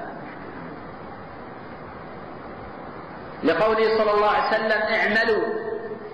فكل ميسر لما خلق له. فلو لم يكن للعبد قدرة على العمل لم يأمر الله بالعمل ولم يأمر الرسول بالعمل. إذا تكليف ما لا يطاق. وأمر آخر عزل الأعمال عن العباد يقتضي إبطال الرسالات كلها ويقتضي إبطال الشرائع بالكلية ويقتضي أنه لا ثمرة من الكتاب ولا من السنة. إذ نحن تخلق فينا الطاعات والخير والشر فلسنا بحاجة إلى أحد يدعونا لنا لا قدرة لنا. إذا ما الفائدة من خطابنا؟ كيف تخاطب أقواما لا حاجة لهم في ذلك هذا يعني إبطال الرسالات بأسرها ولا لا ثمرة من دعوة الرسل ولا من الكتاب ولا من السنة. وهذا يفيد أيضا أن في أمر مريض ما عندهم حتى العقول. دائما هم ينادون بالعقول دائما ينادي بالعقل والحكمة والأحداث فتجد أقل نفع عقلا وحكمة ولكن يجعل من المناداة بالعقل والحكمة غطاء لتعنية بدعته وضلاله وانحرافه فهم يرون أنفسهم أصحاب العقل وهم أصحاب الجهل وهو المبرسمون. لو كان عندهم شيء من العقول ما قالوا هذه الأقوال السامجة؟ المخالفة للكتاب وللسنة ولإجماع الرسل وللعقول الصحيحة. أمر آخر الذي اتفق عليه الأنبياء والمرسلون وأتباعهم إلى يوم الدين أن العقل السليم لا يخالف النقل الصحيح أبدا. لأن الفطر تتجاوب مع الحق تلقائيا. بدليل قوله صلى الله عليه وسلم كل مولود يولد على الفطرة. ولذلك حكى ابن القيم وغيره الاتفاق على أن التوحيد معروف بالفطرة كما هو معروف بالشرع. وأن الناس لو تركوا وشأنهم بدون أناس يلبسون عليهم لعبدوا الله تلقائيا. بدليل قوله صلى الله عليه وسلم كل مولود يولد على الفطرة فأبواه. هنا يأتي دور علماء السوء دعاة الشر. كما قال صلى الله عليه وسلم دعاة على أبواب جهنم. فأبواه يهودانه أو ينصرانه أو يمجسانه. وأن الناس يقول القيم لو تركوا وشأنهم لا وجد عندهم شرك. لأنهم بفطرهم يدركون قبح الشرك. فالتوحيد تتجاوب مع الفطر والشرك تتجاوز الفطر مع ذمه وتهجين فاعل كيف يعبد حجرا؟ لا ينفع ولا يضر. كيف يعبد آدمية لا يستطيع أن ينفع نفسه.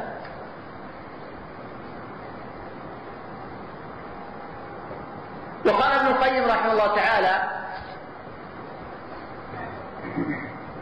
كما أن التوحيد معروف بالفطرة الشرك الشرك قبيح في الفطرة وبعثت الرسل في هذا الباب مبشرين ومنذرين كما نص سورة الأحزاب. مبشرين ومنذرين. إنا أرسلناك شاهدا ومبشرا ونذيرا وداعيا إلى الله بإذنه وسراجا منيرا. وبشر المؤمنين بأن لهم من الله فضلا كبيرا ولا تطع. الكافرين والمنافقين ودع أداهم وتوكل على الله وكفى بالله وكيلا.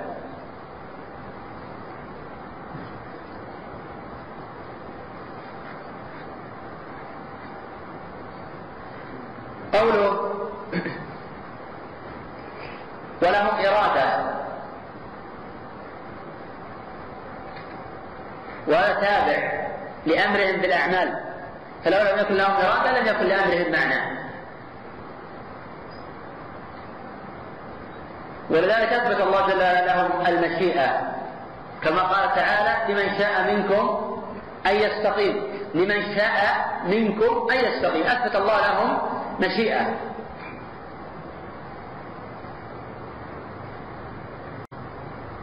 وما تشاءون إلا يشاء الله. لكن جعل الله مشيئتهم تابعة لمشيئة الله.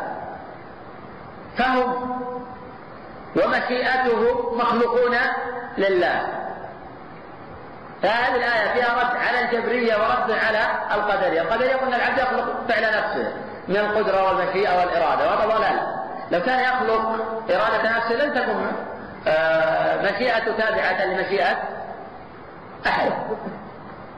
ولو كان العبد يستقل بالمشيئة لم يكن لأمره معنى.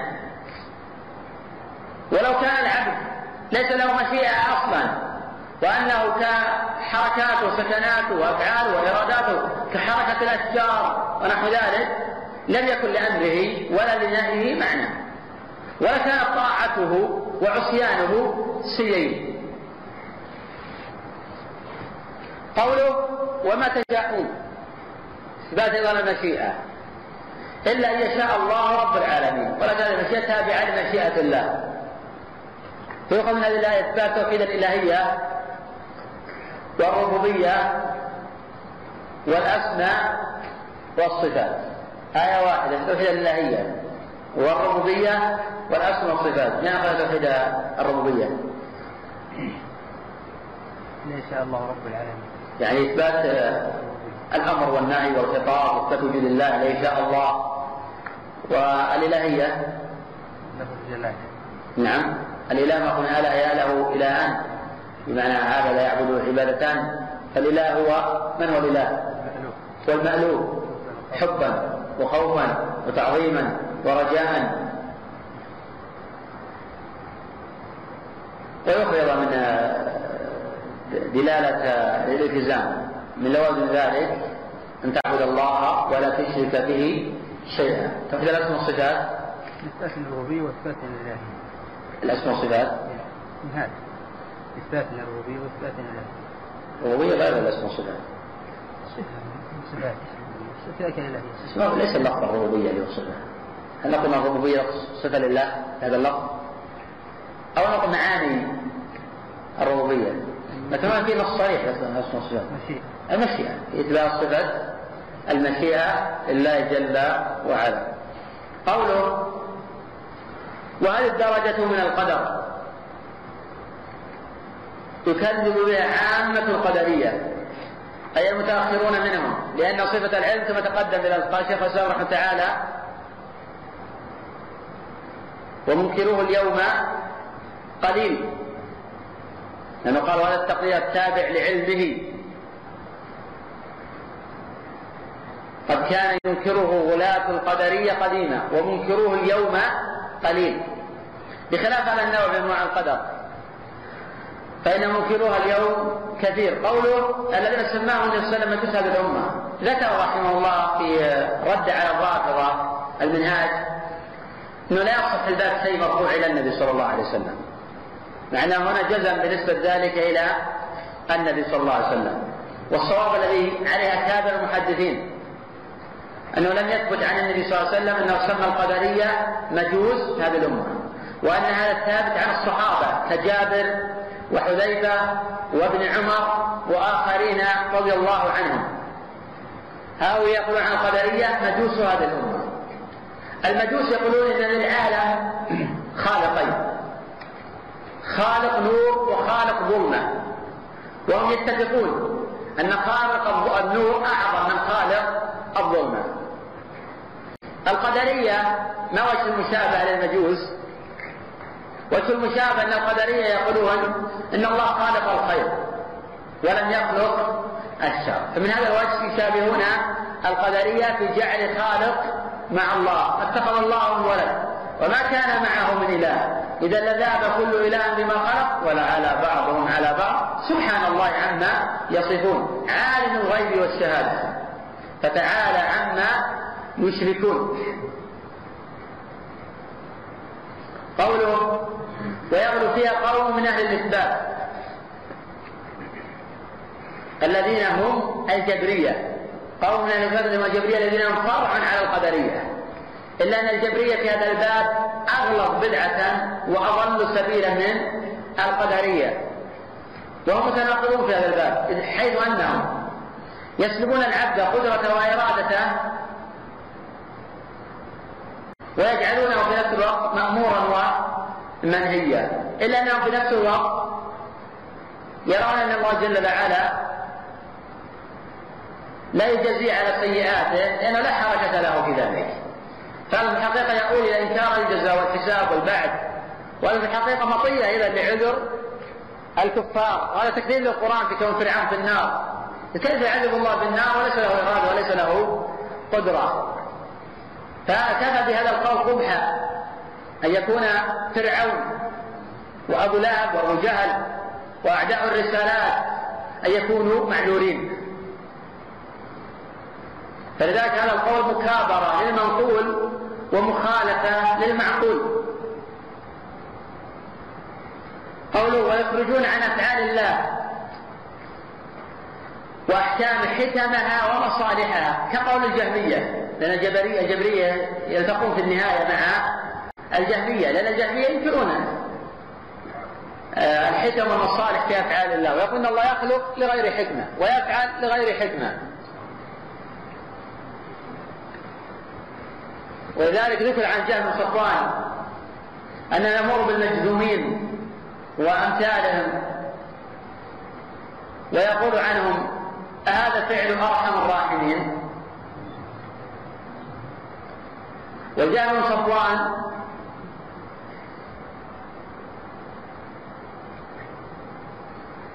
هو الذي تنتسب إليه بدعة الجهمية. وسبقه إلى ذلك الجعد بن درهم. إلا أنه لم ينظر المذهب كتنظير الجهم فنسبة البدعة للجهم ولا فأصل البدعة عن الجعد بن درهم. والجعد أخذه من أبان بن سمعان.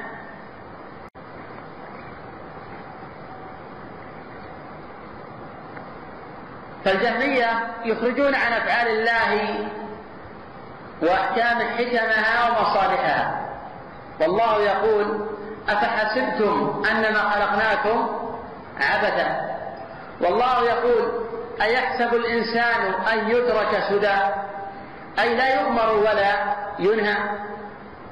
فما من شيء من الخلق إلا وقد خلقه الله لحكمة ولغاية ولمصلحة. سواء علم العباد ذلك أو لم يعلموا والمسلمون مطالبون بالإيمان بالله والتسليم له.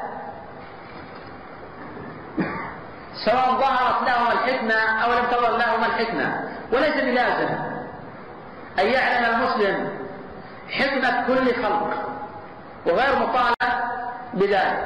لكنه مطالب أن يعلم. بأن الله ما يخلق شيئا عبدا وأنه ما من شيء إلا ومخلوق لحكمة ولمصلحة. علم ذلك من علم وجهله من جهل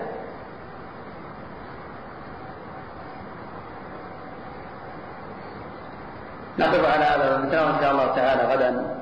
أهل السنة الجماعه في الإيمان بأنه قول عمل قول القلب واللسان عمل القلب واللسان والجوارح الله شك روي عن الإمام أحمد يعني تساهل في التبرع مثل التبرع صحة الرواية؟ مثال هذا. يعني. تبرع الصالحين. ما يعني. ما أدري عن ما ورد عن الإمام أحمد شيء من هذا التبرك باثار الصالحين. ولا يزال السلف ينهون عن ذلك. التبرك بذواتهم أو بعرقهم أو بملابسهم أو بمشارحهم أو غير ذلك هذا يعد عند أهل العلم من البدع. فإن ذلك ليس له اصل ما كان الله عنهم يتبركون بعرق أو بشعر أو بثياب ابي بكر. وهو هو في العلم والمنزلة. إنما استثنى العلماء التبرك بشعر النبي صلى الله عليه وسلم ونحو ذلك هذا من الخصائص التي اتفق عليها العلماء كما ذكر ذلك الذهبي في السياق وكما ذكر ذلك ابن تيمية وغيره. اما التبرك أيضا حتى بالآثار يعني كما هو من جلس النبي تجلسك متبركا.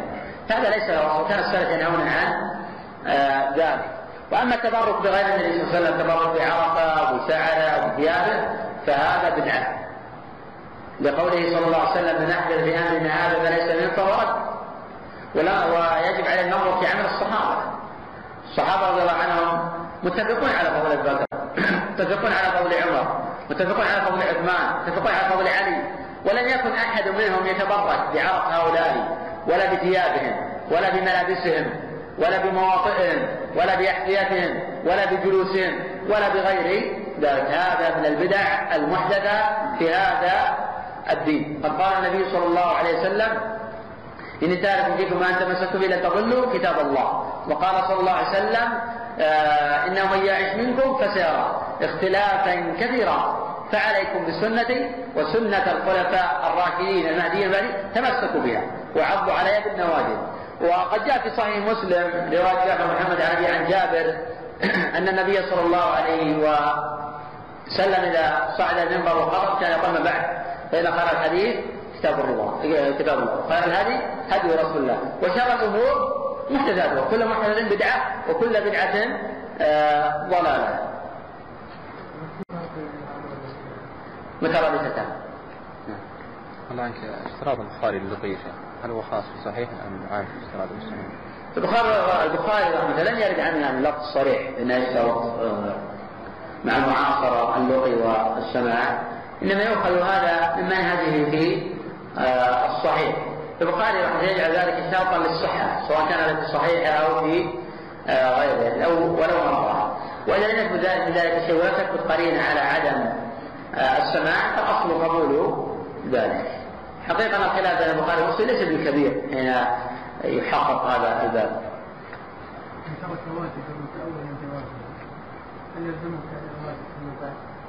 لا. الأخ يقول من ترك واجبا متأولا في هذا الباب؟ وتبين له فيما بعد الخطأ أو الزاد في هذا الباب؟ لا يعيد وهذا الذي نصر شيخ الإسلام ابن تيمية رحمه تعالى في مقدمة كتابه فتاوى المجلد العشرين.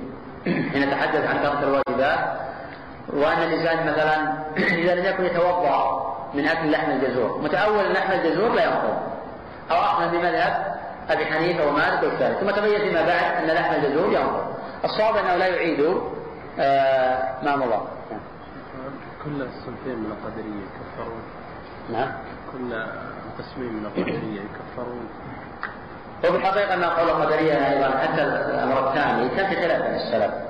ومن أنكر العلم لا إشكال فيه. ومن أنكر أيضا أن يكون الله خالقا للخير وخالقا للشر فهو نهايه هذا القول شك إلى الكفر وخروج عن الإسلام. حديث العلم في تكفير القدرية وحديث عن النوع وليس حديثا عن من لأن هؤلاء يختلفون في قيام الحجه وازداد الشبهة ويختلفون أيضا في الشبهة الموجودة عندهم. وقد يتقرب بعضهم إلى الله في هذه البدع وهذه الضلالات. فأهل العلم يقررون والصواب أيضا حيث ان النوع أن هذا وذاك كلاهما كفر. كلاهما كفر. لأن من جعل خالقا مع الله فقد كفر. نعم. حديث ابن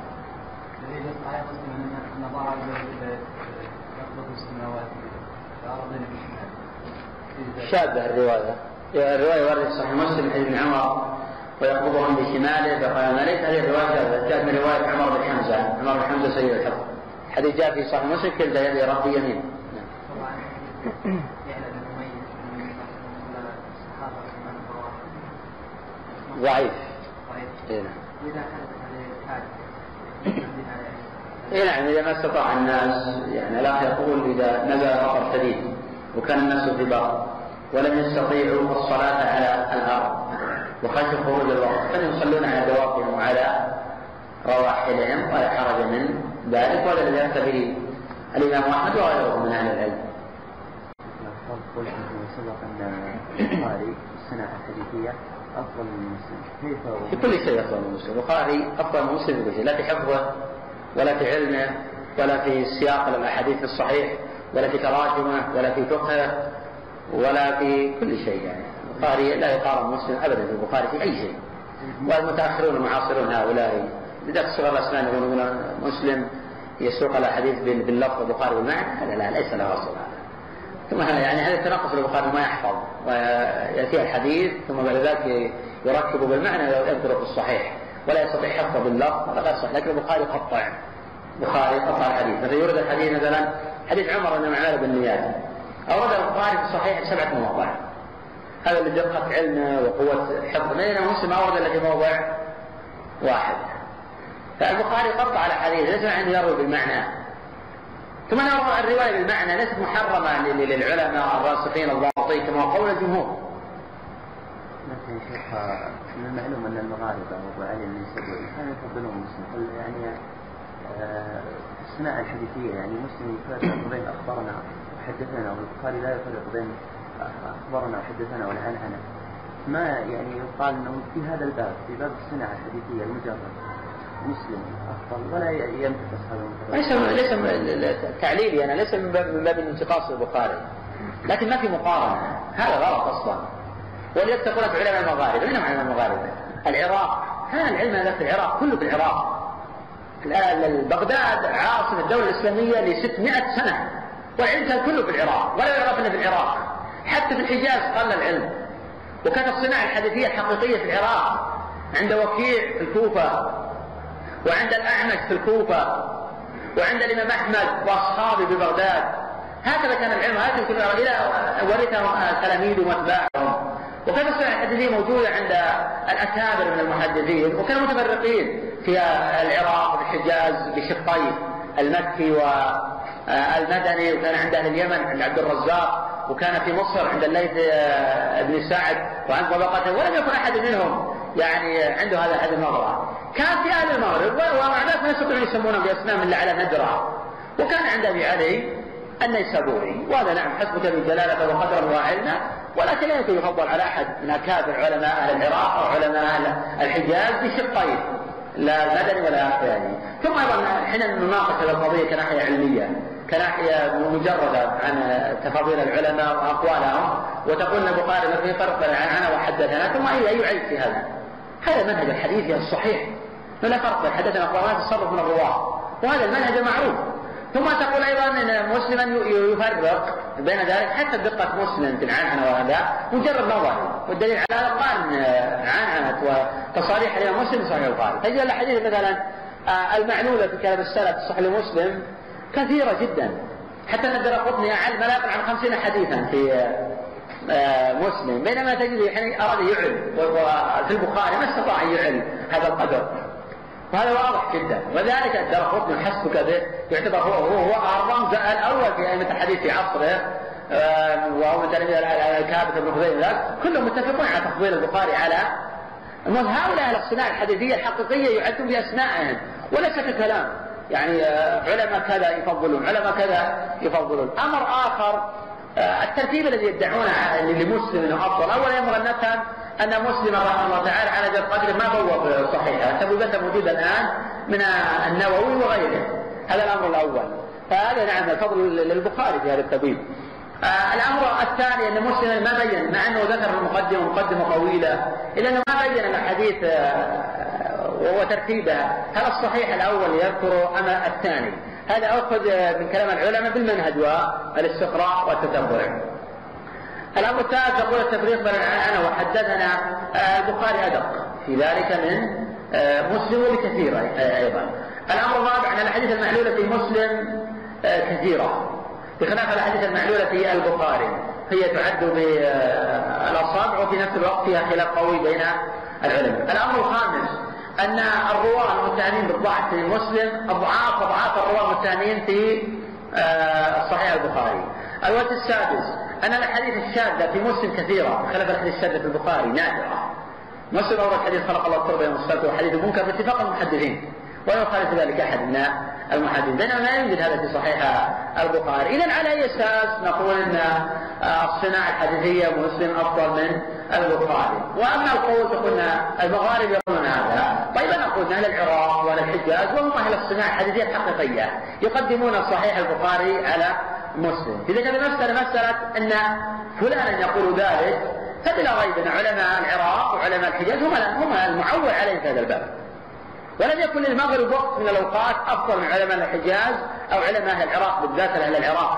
عليهم المعول لأن العلم الحديث خرج من العراق وكان تدوين في أهل العراق وكان حفظ في أهل العراق. يعني تأمل مثلا في السفيانين. تأمل في السفيانين. تأمل على ماذا يدور الحديث؟ تجد الأحاديث كل كل الأحاديث. أحاديث الكتب الستة تدور على أهل العراق وعلى أهل الحجاز. تدور على أهل العراق وعلى أهل الحجاز. تجد الحديث تدور على الحجاز من قبل الزهري واضرابه وتدور على أهل العراق من قبل السفيانين والأعمش وأصحاب ابن مسعود وطبقة هؤلاء الأئمة. ثم من يلي هؤلاء؟ العلم في المدينة يدور على مالك وعلى تلاميذه كالقعنبي وقتيبة وغيره ثم بعد الطبقة هذه يدور على أهل العراق في طبقة الإمام أحمد وغيره. هذا نعم نعم من نوازع المحدثين خرجوا من خراسان وخرجوا من اليمن كعبد الرزاق. وخرجوا من مناطق متعددة. لا يكاد يخلو بلد إلا خرج منه أئمة كثيرون. ولكن مدار الحديث في جملتها عن أهل العراق وعلى أهل الحجاز بشقين المدني والمكي معنى قوله تعالى ولا يسأل عن ذنوبكم معنى هذه الآية لا يسأل عن معنى قول جل وعلا ولا يسأل عن ذنوبهم آه المجرمون. معنى هذه الآية أن هؤلاء آه المجرمين المجرمين المنحرفين عن شرع شرع الله المعرضين عن آه كتاب الله وعن ما جاء به رسوله لا يسألون عن الآخرين. وأن هؤلاء المؤمنين لا يسألون عن ضلال المجرم بشرط عند العلماء. ما لم يكن لأحدهم سبب في الآخر. إلا أن التوبة تجوب ما قبله كشخص مثلا كأبي سفيان مثلا كان تسبب في وفيات عدد كبير من المشركين على الشرك. ولكن حين تاب لا نقول بأنه تلحقه ذنوب هؤلاء لا. نقول بأن التوبة تجب ما قبلها. والحج يجب ما قبله كما جاء في صحيح الإمام مسلم. حج فلم يرفض نفسه رجع كيوم ولدته أمه وغير ذلك من الأحاديث. فهؤلاء لا يسألون عن ذنوبهم فليس أحد عن أحد إلا من كان سببا في إضلاله ونحو ذلك هل هناك فرق بين وجوب صلاة الجماعة؟ نعم هل هناك فرق بين وجوب صلاة الجماعة ووجوب صلاة المسجد؟ اي نعم في فرق كبير جدا الاخ يسال سؤالا يقول هل في فرق بين الصلاة في المسجد وصلاة الجماعة؟ نعم. في فروق كثيرة وحتى الناحيه الفقهيه ما في تفصيل واسع. صلاة الجماعة آكد من صلاة المساجد. ولذلك أمر الله جل وعلا بصلاة الجماعة بشدة أو خوف وإن كانوا مسافرين. وإذا كنت فيه فأقمت مصلى فلتقم طائفة وقد اتفق المفسرون على أن الآية نزلت في صلاة الخوف واتفق المفسرون على صلاة الخوف نزلت في السفر. وأمر الله بالجماعة في ذلك. أمر الله بالجماعة في ذلك. وذلك الفقهاء أو كثير من الفقهاء يقولون بأن صلاة الجماعة واجبة حضرا وسفرا. بخلاف المساجد ذهب الجمهور إلى أن المساجد لا تجب في السفر والواجب في السفر الجماعة دون المسجد. إذ ما لم يكن وحده إذا كان وحده فإن ما لا يتم الواجب إلا به فهو واجب. إذا يجب عليه أن ينتقل إلى المسجد يؤدي الجماعة فبالتالي في في فروع. أما في الحضر فالجماعة واجبة والمسجد آه واجب. ولكن يتخلف عن الجماعة أعظم جرما أن يتخلف عن المسجد. يتخلف عن المسجد. ولذلك ابن مسعود رضي الله عنه يقول لقد رأيت من يتخلف عنها أي صلاة الجماعة في المساجد إلا منافق معلوم النفاق. والنبي صلى الله عليه وسلم على الأمرين معا في حديث أبي هريرة في الصحيحين. لقد هممت أن أمر بالصلاه قام وما أمر رجل في يوم ثم خالف إلى رجال. لا يشهدون الصلاة فاحرق فأحرق عليهم بيوتهم في النار. لماذا؟ لأنهم لم يكونوا حاضرين للجماعة في المساجد. لأنه قد يكونون يؤدون جماعة ولكن في غير المسجد فلذلك النبي استدل على نفاقهم بترك الصلاة في المسجد. هذه علامة وأن ترك الصلاة في المسجد علامة على نفاق آه الرجل. ولذلك كان ابن مسعود بن عباس يقول لا صلاة من سمع النداء فليجب. من سمع النداء فليجب. ومن لم يجب؟ فلا صلاة له إلا من عذر. يختلف الأمر في السفر. فالسفر تجد فيه الجماعة ولا تجد فيه المساجد. نعم.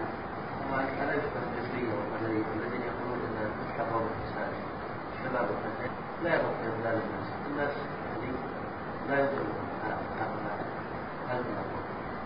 لا أعد. أعد يعني ألا يشبه الجزرية والقدرية.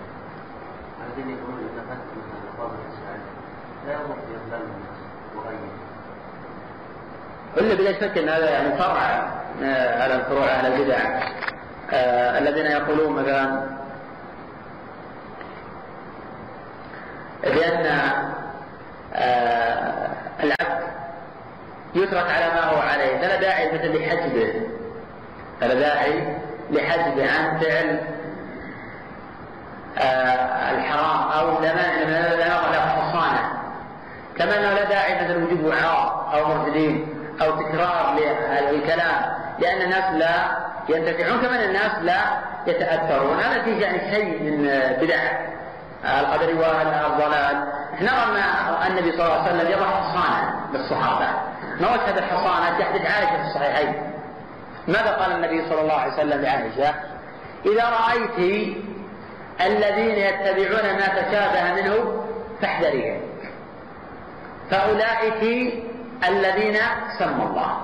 فالنبي صلى الله عليه وسلم حجبها من بدعهم ومن ضلالهم ومن غيهم. قال فاحذريها عمر رضي الله عنه حين كان صبيغ يسأل عن المتشابه من القرآن.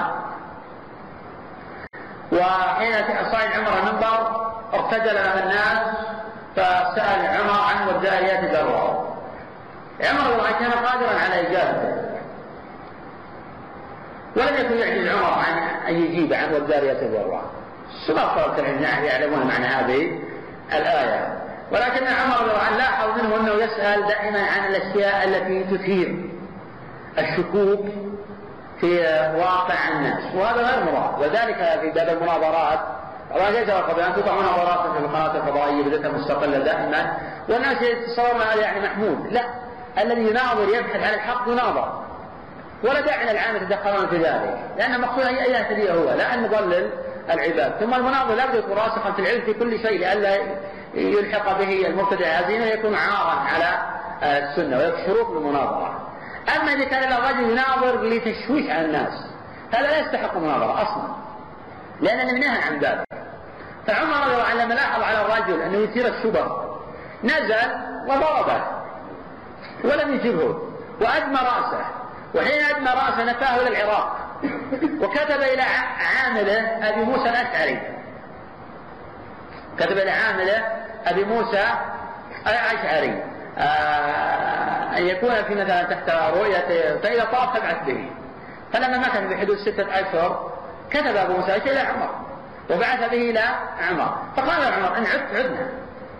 إن عدت آه عدنا. فبعض الناس الحقيقة لا تزول الأوهام عن رأس إلا بدرة فدرة آه عمر فالقضية أن بعض الناس يتصور أن الناس يتركون على ما هم عليه. فلا داعي للواو ولا داعي للتحريم ونستغفر خط القيد غير صحيح.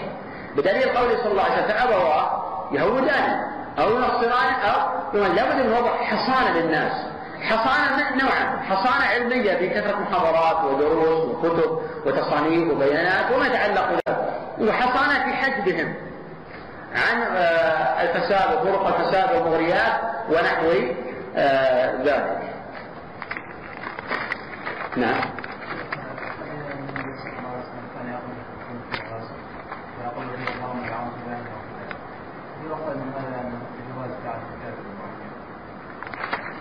نعم.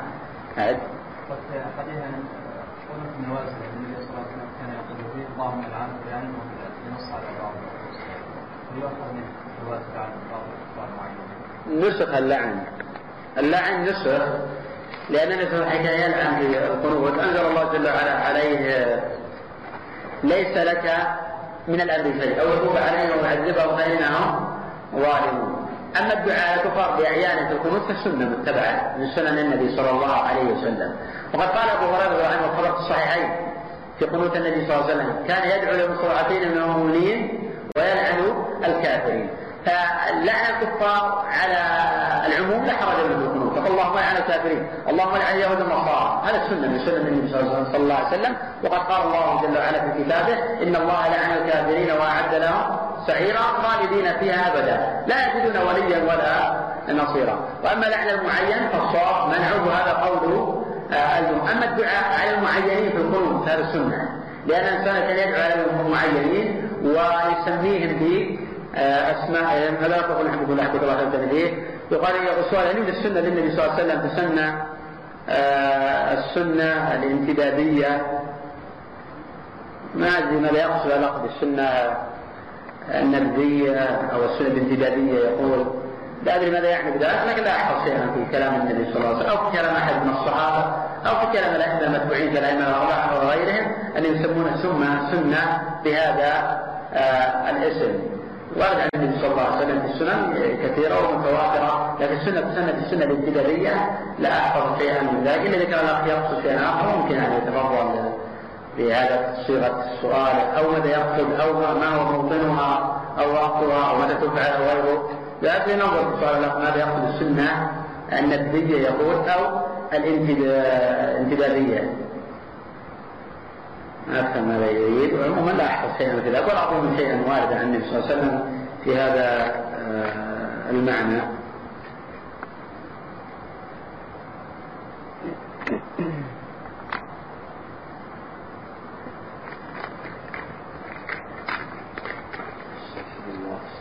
نعم.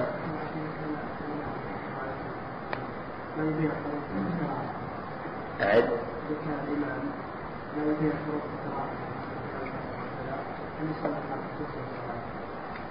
يعني هو إمام ولا يبين يوضح الحروف في غيره يعني بديل أو أحسن موجود. ويأكلها يعني بلهجة لسانه أو أنه يأكل لسرعته. والله إذا وجد غيره فلا أولى. يعني يقول في إمام مثلا ما يقيم الحروف على الوقت المطلوب.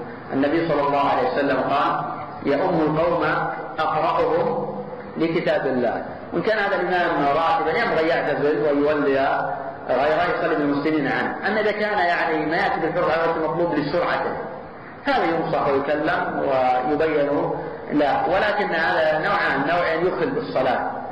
كشخص يعني يخل بالفاتحة ويخل بعنان الفاتحة. أو لا يؤدي الغرض المطلوب من القراءة.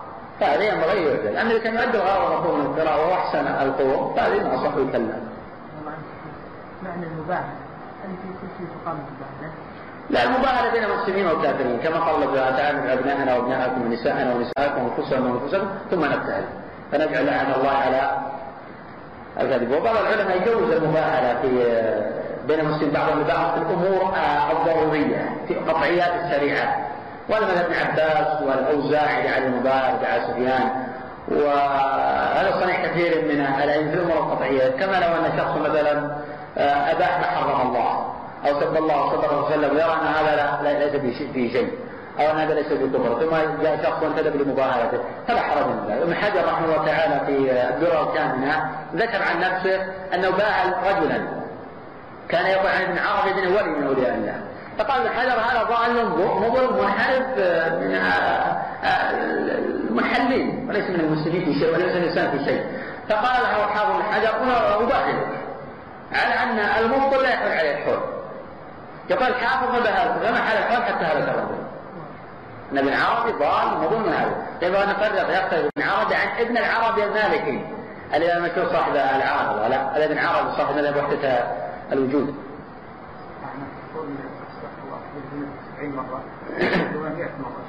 نعم نعم أي.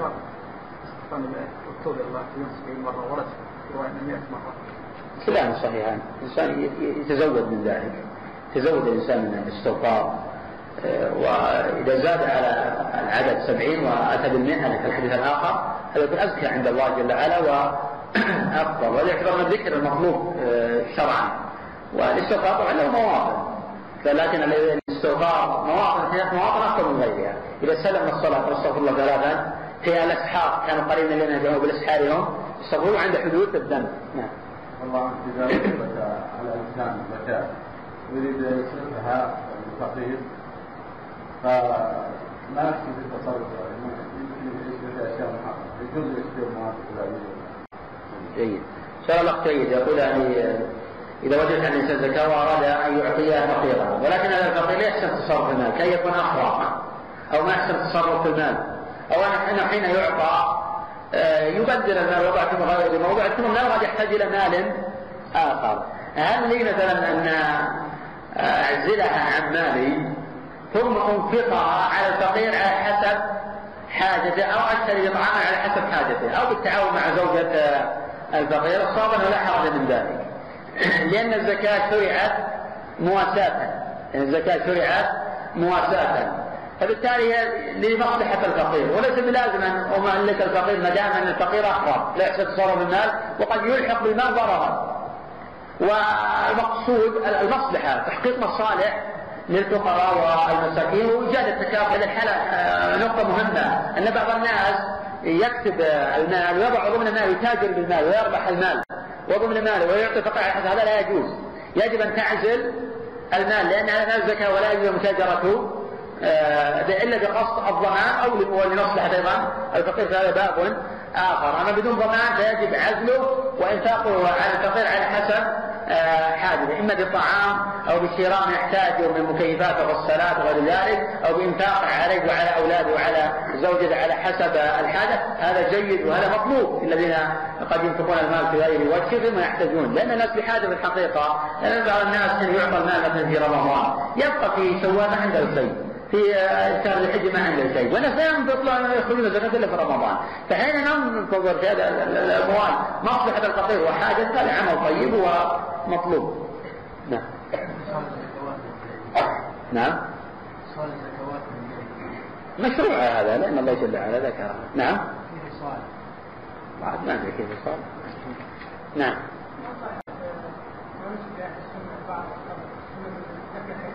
رفع الصوت ما أسمعك.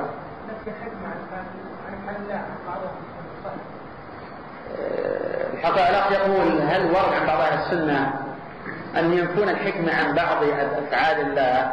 هذا لم يثبت عن أحد بعينه. يعني عن أهل السنة لم يثبت بعينه هذا. وهذا يقول معروف عن الجهمية وعن غلاتهم أيضا وعن القدرية وأمثال هؤلاء. فهم الذين يخرجون عن أفعال الله وأحكام حكمها ومصالحها. وجد عن بعض السنة يعني زل في بعض المسائل ليس في الكليات في هذا الباب. والعالم ما يخلو من الخطأ ومن ذا الذي تغص الجواب كلها كما المرأة نبلة أن تعد معي. لكن لا يعرف عن أهل السنة أنه جعل هذا أصلا. جعل هذا أصلا. ولذلك أهل السنة يرون أن ما ظهرت حكمته نؤمن به وما تظهر حكمته نؤمن به. ولا حرج إن نلتمس الحكم لكن لا نجعل ذلك مربوطا بالايمان هذا ليس له أصل في كلام أهل السنة.